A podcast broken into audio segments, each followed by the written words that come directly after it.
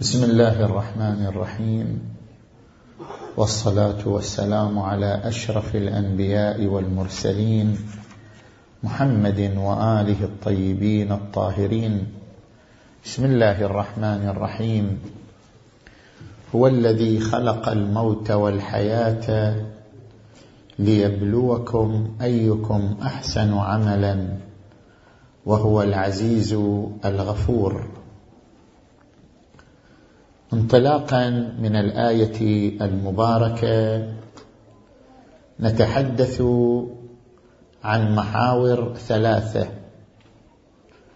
المحور الأول في معنى الآية المباركة. لاحظوا أن الآية المباركة قالت هو الذي خلق الموت والحياة. ليبلوكم أيكم أحسن عملا. هنا يتبادر سؤال ما معنى خلق الموت؟ الحياة يمكن خلقها لأن الحياة وجود لأن الحياة نمو. لكن ما معنى خلق الموت؟ الموت عدم الموت محو. فكيف يخلق الموت وهو شيء عدمي؟ شيء يعني الانمحاء والانقضاء. ما معنى خلق الموت والحياة؟ هنا إجابتان. الإجابة الأولى أن الموت ليس عدما. الموت هو عبارة عن انتقال حركة من عالم إلى عالم. الروح تتحرك تنتقل من عالم إلى عالم. كانت في عالم الدنيا فتحركت وانطلقت إلى عالم الآخرة.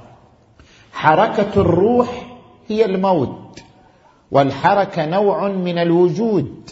فلذلك يصح أن يقال خلق الله الموت. أبو العلاء المعري يقول في شعره خلق الناس للبقاء فضلت أمة يحسبونهم للنفاد. إنما ينقلون من دار أعمال إلى دار شقوة أو رشاد. المسألة مسألة حركة. وانتقال. وإلا الناس ما خلقوا للبناء للفناء خلقوا للبقاء. خلق الناس للبقاء. فظلت أمة يحسبونهم للنفاد إنما ينقلون من دار أعمال إلى دار شقوة أو رشاد. الإجابة الثانية إجابة دقيقة تستحق التأمل. الآية المباركة عندما قالت خلق الموت والحياة. ليس المقصود في الآية أن الحياة خلقت وليس المقصود في الآية أن الموت خلق. وإنما المقصود في الآية خلق التزاوج بين الموت والحياة. هناك عملية مزاوجة هناك عملية اقتران بين الموت والحياة. كيف؟ كل موجود من الموجودات هو يعيش موت وحياة في كل لحظة في كل ثانية. كل موجود من الموجودات في هذا الكون يعيش حركة متأرجحة بين الموت والحياة. فهو يعيش تزاوجا بين الموت والحياة.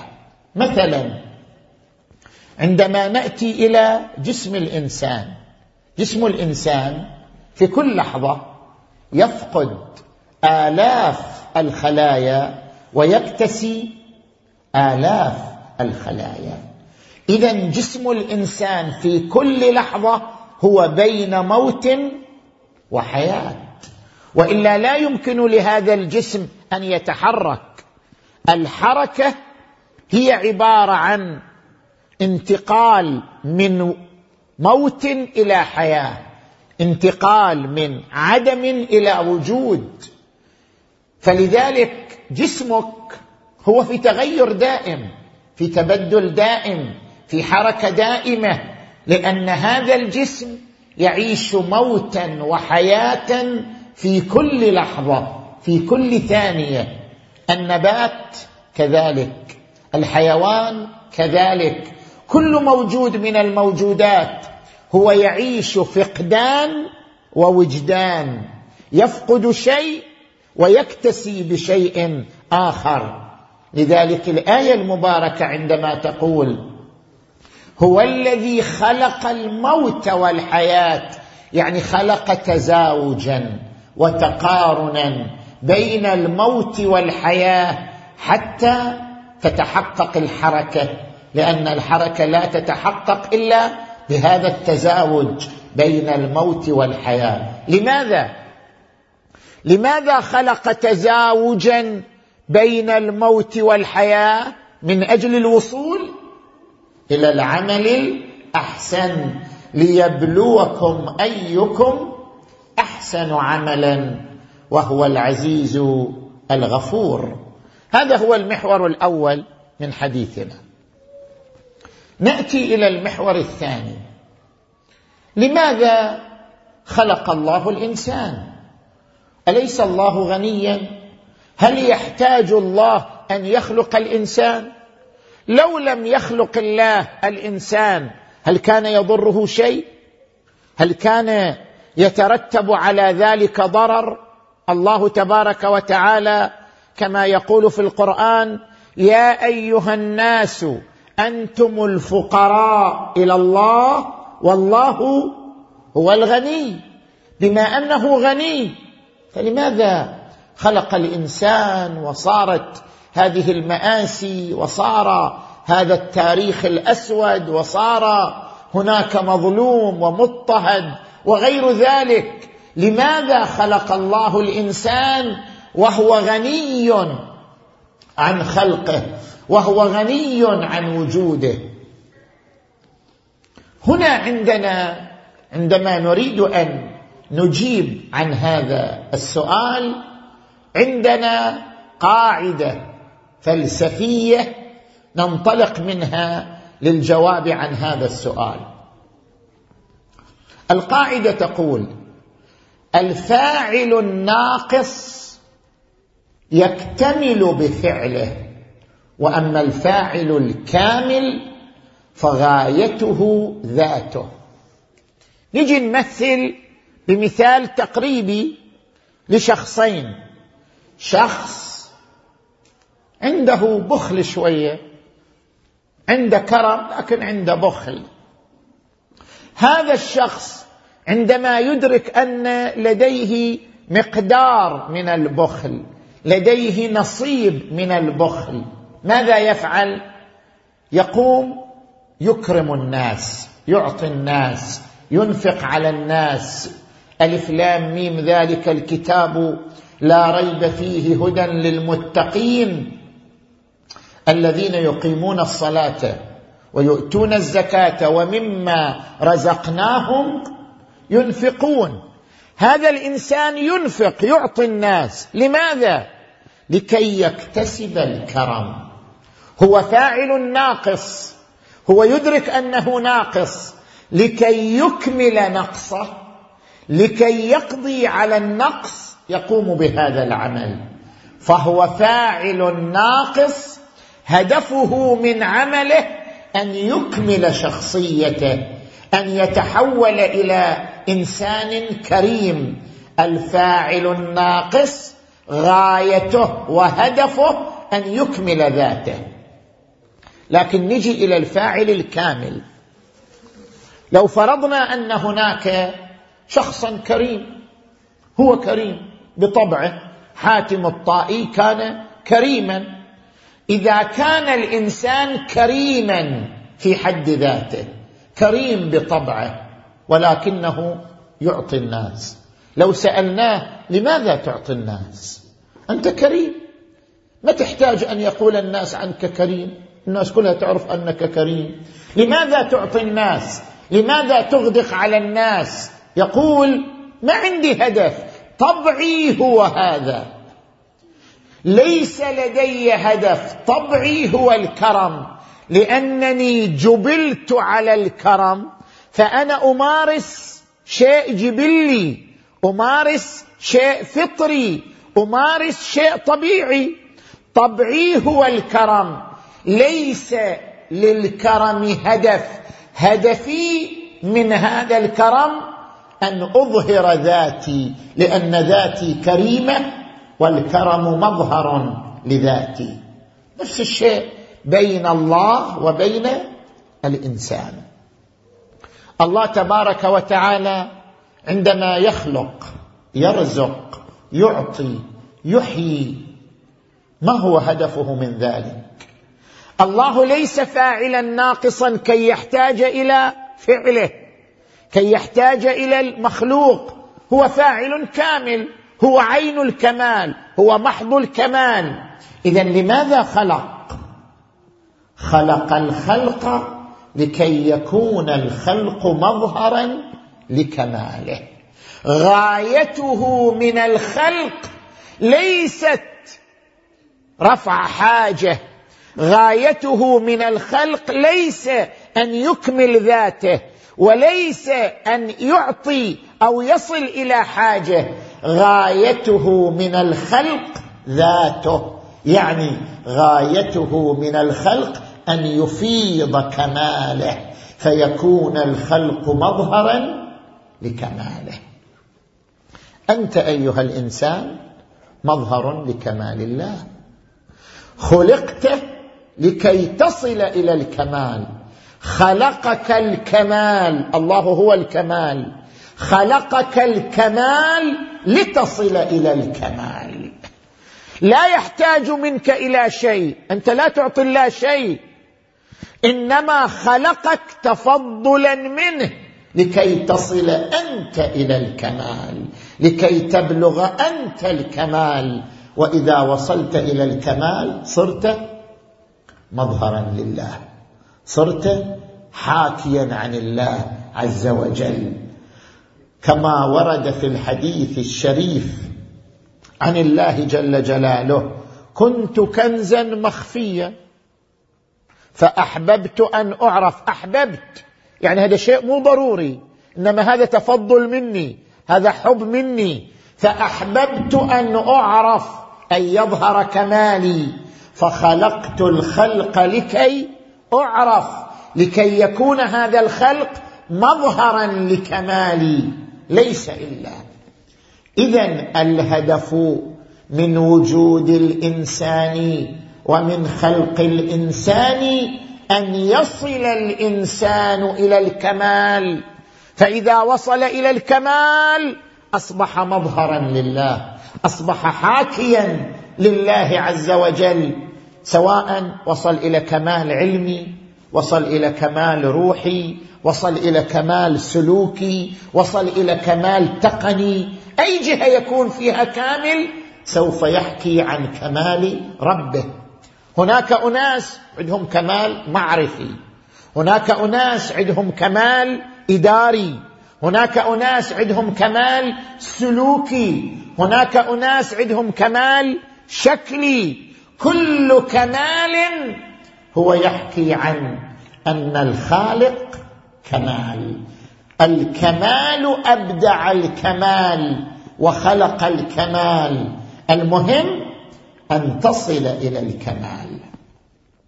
كيف نجمع بين هاتين الآيتين؟ آية تقول وما خلقت الجن والإنس إلا ليعبدون. آية تقول هو الذي خلق الموت والحياة ليبلوكم أيكم أحسن عملا. كيف نجمع بين هاتين الآيتين؟ الإنسان خلق لكي يصل إلى الكمال. لكن كيف يصل إلى الكمال؟ ما هو الطريق؟ الطريق للوصول إلى الكمال الروحي بأن يمتلك الإنسان روحا صامدة. روحا قوية إرادة حديدية حتى يصل الإنسان إلى الكمال الروحي وهو أن يمتلك إرادة حديدية صامدة شامخة يحتاج إلى العبادة. العبادة طريق وليست هدف.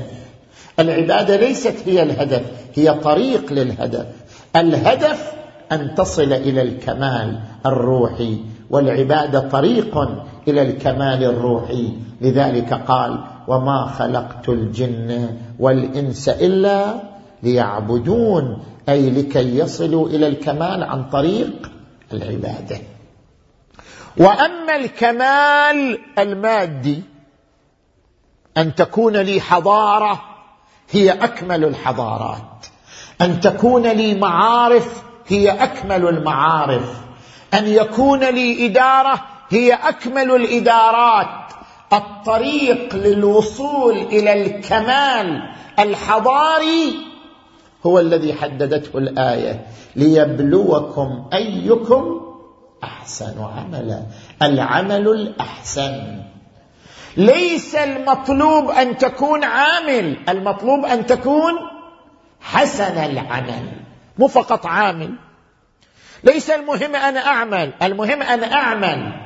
العمل الأحسن لأن العمل الأحسن هو الذي يوصلني إلى الكمال المادي هو الذي يوصلني إلى الكمال الحضاري ليبلوكم أيكم أحسن عملا. لذلك ننتقل إلى المحور الثالث من حديثنا. لا نطيل عليكم. الهدف من وجود الإنسان أن يكون أحسن. ليبلوكم أيكم أحسن عملا. الهدف أن تكون الأحسن. لماذا أن تكون الأحسن؟ نرجع إلى الآيات القرآنية الأخرى. الآيات القرآنية الأخرى تحدد أن الهدف من وجود المجتمع البشري على الأرض خلافة الله. وإذ قال ربك للملائكة إني جاعل في الأرض خليفة الإنسان خليفة الله. وجعلكم خلائف في الأرض خليفة الله. الخلافه في الأرض لا تعني العبادة فقط. لا تعني الصلاة فقط. الخلافه في الأرض تعني إقامة حضارة. الإنسان مطلوب منه أن يقيم حضارة على الأرض.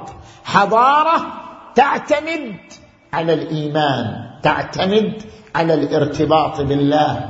المهم أن يقيم حضارة لأن إقامة الحضارة على الأرض ممتزجة ومقترنة بالإيمان بالله عز وجل هذا مصداق كلمة ليبلوكم أيكم أحسن عملا.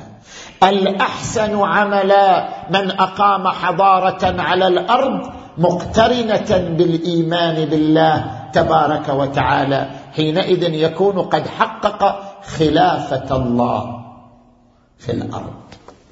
لأجل ذلك من هذا المنطلق نقول الإنسان المغترب الإنسان المبتعث الإنسان الذي يعيش في هذه البلاد.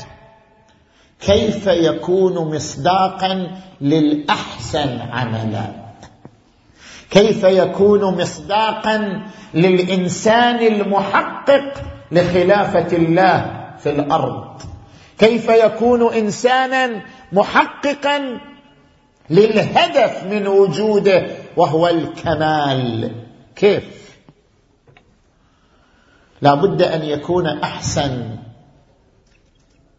في ثقافته لا بد أن يكون أحسن في خلقه لا بد أن يكون أحسن في علاقته بربه. أنت أمامك مجالات ثلاثة يطلب منك في هذه المجالات الثلاثة أن تكون الأحسن حتى تكون محققا للكمال لخلافة الله في الأرض. المجال الأول أن تكون الأحسن في ثقافتك ومعرفتك. أنتم جئتم لهذه البلاد لكي تحصلوا على تخصص علمي في مجال معين. حاول أن يكون تخصصك الأنفع. أين التخصصات الأنفع؟ أين التخصص الذي يحتاج إليه مجتمعك تحتاج إليه حضارتك الإسلامية تحتاج إليه حضارتك الإيمانية اولا اختر التخصص الأكثر نفعا والأكثر عطاء. استشر أهل الخبرة استشر من سبقك بالتجربة استشر أهل المعرفة لتختار التخصص الأنفع الأكثر نفعا الأكثر انتاجا. هذا اولا. ثانيا حتى يكون تخصصك مصداقا للأحسن. حاول أن لا تكتفي بدرجة دراسية واحدة. لا تكتفي بالبكالوريوس. حاول أن تترقى. حاول أن تستمر في الدراسة حتى تكون مصداق للأحسن. كلما حصلت على درجة عالية راقية في التخصص كنت أحسن كنت أنفع. كنت أجود. اذا لا تكتفي بدرجة معينة. حاول أن ترتقي. حاول أن تصعد في درجتك الدراسية حتى تكون مصداقا للأحسن. وثالثا اغتنم كل فرصة في هذه في هذه البلاد. هذه البلاد بلاد مليئة بالثقافة. مليئة بالتخصصات العلمية المختلفة مليئة بآفاق العلم والمعرفة. أنت في بلد مملوء بالعلم بالمعرفة بالثقافة. حاول أن تستغل كل دقيقة كل ثانية كل فرصة في التزود. حاول أن يكون لك شهادة مهنية مضافا لشهادتك الأكاديمية. حاول أن تدخل في تخصصات ولو على نحو كورسات تستفيد منها شهادة تضمها إلى شهادتك الأكاديمية لتكون مصداقا للأحسن أحسن عملا. اذا هذا في المجال الدراسي في المجال المعرفي. نجي إلى المجال القيمي المجال الخلقي. أنتم في بلد تحتاجون فيه إلى أن تمثلوا الإسلام تمثلوا قيم أهل البيت. أنتم تعيشون في بلد يكره الفكر الداعشي يكره الفكر التكفيري لأنه فكر يسيء إلى الحياة يسيء إلى الإنسانية يسيء إلى الحضارة. لأجل ذلك لا بد أن نفرز هذا العنصر الداعشي من العنصر المضيء لا بد أن نفرز هذا العنصر المظلم من العنصر المشرق.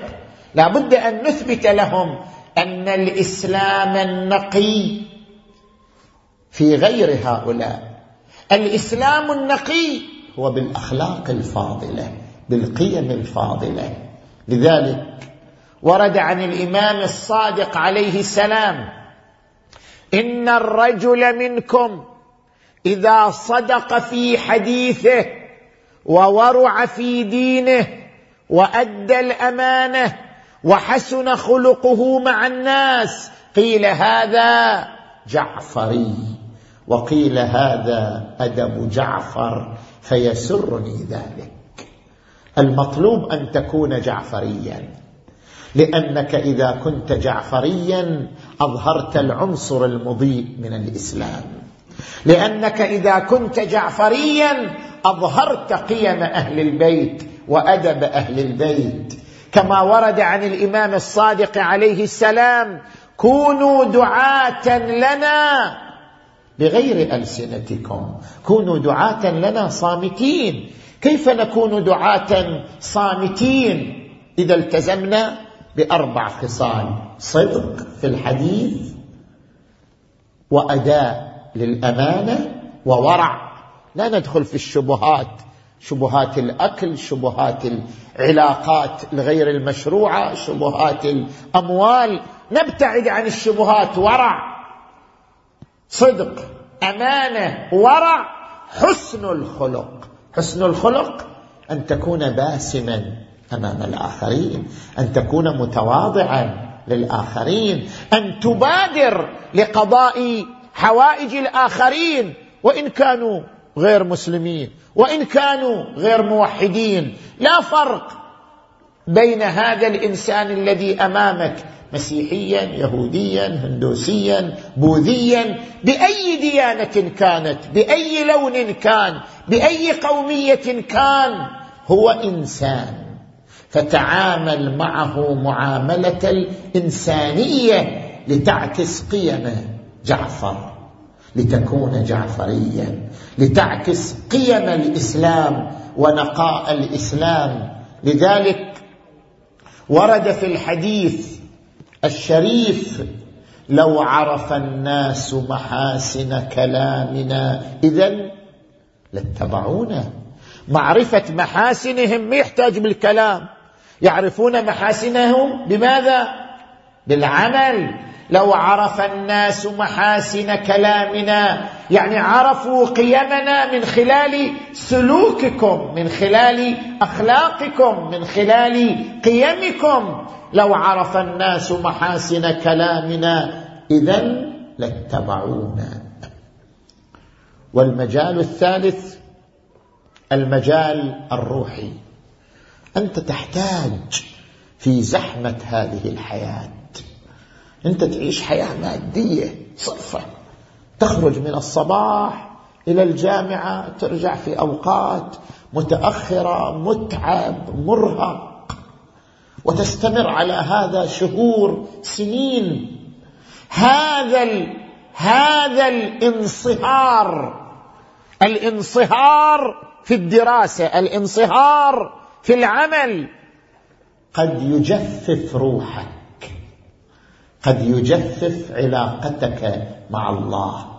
قد يحول علاقتك مع الله إلى علاقة جافة إلى علاقة يابسة إلى علاقة علاقة لا طعم لها. بمرور الوقت سوف ترى نفسك إنسان لا يرغب في الدعاء لا يرغب في النافلة لا يرغب في قراءة القرآن لأن قلبك أصبح جافا يابسا لا طعم فيه لا نبض فيه.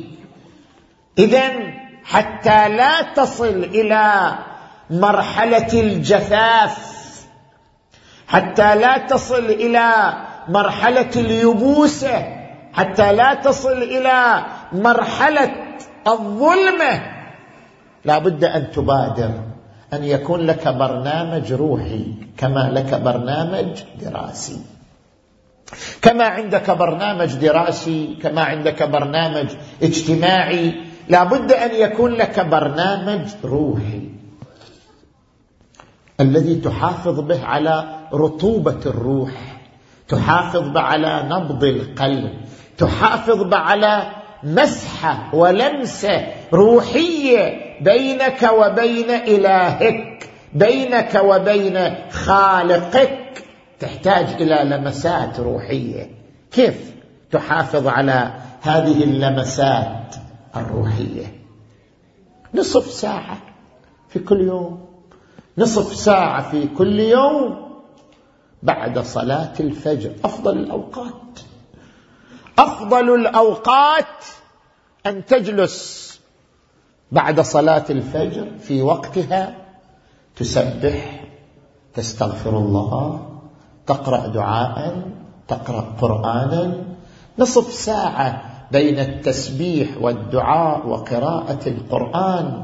هذه النصف ساعة كافية لأن تصنع في قلبك رصيدا روحيا. يحافظ على طعم العلاقة مع الله. يحافظ على طعم الارتباط بالله تبارك وتعالى. حاول أن يكون لك علقة روحية مع الله. ورد عن النبي صلى الله عليه وآله إذا أذنب العبد خرج في قلبه نكتة سوداء فإن تاب انمحت وإن عاد عادت حتى تغلب على قلبه فلا يفلح بعدها أبدا. وذلك قول الله عز وجل كلا بل ران على قلوبهم ما كانوا يكسبون. لا تصل إلى هذه الدرجة درجة الرين درجة الظلمة أن يتحول قلبك إلى قطعة من الظلام. إلى قطعه من القسوة إلى قطعه من الجفاف قبل أن تصل إلى هذه المرحلة. تحتاج إلى رصيد روحي يلمسك طعم العلاقة مع الله يحببك في الله تبارك وتعالى. وذلك عبر مقدار من الخشوع مقدار من الخضوع. قد أفلح المؤمنون الذين هم في صلاتهم خاشعون. نسأل الله لنا ولكم أن نكون مصداقا للعمل الأحسن وأن نكون سائرين على خطى محمد وآل محمد صلوات الله وسلامه عليهم أجمعين. وآخر دعوانا أن الحمد لله رب العالمين والصلاة والسلام على محمد وآله الطيبين الطاهرين.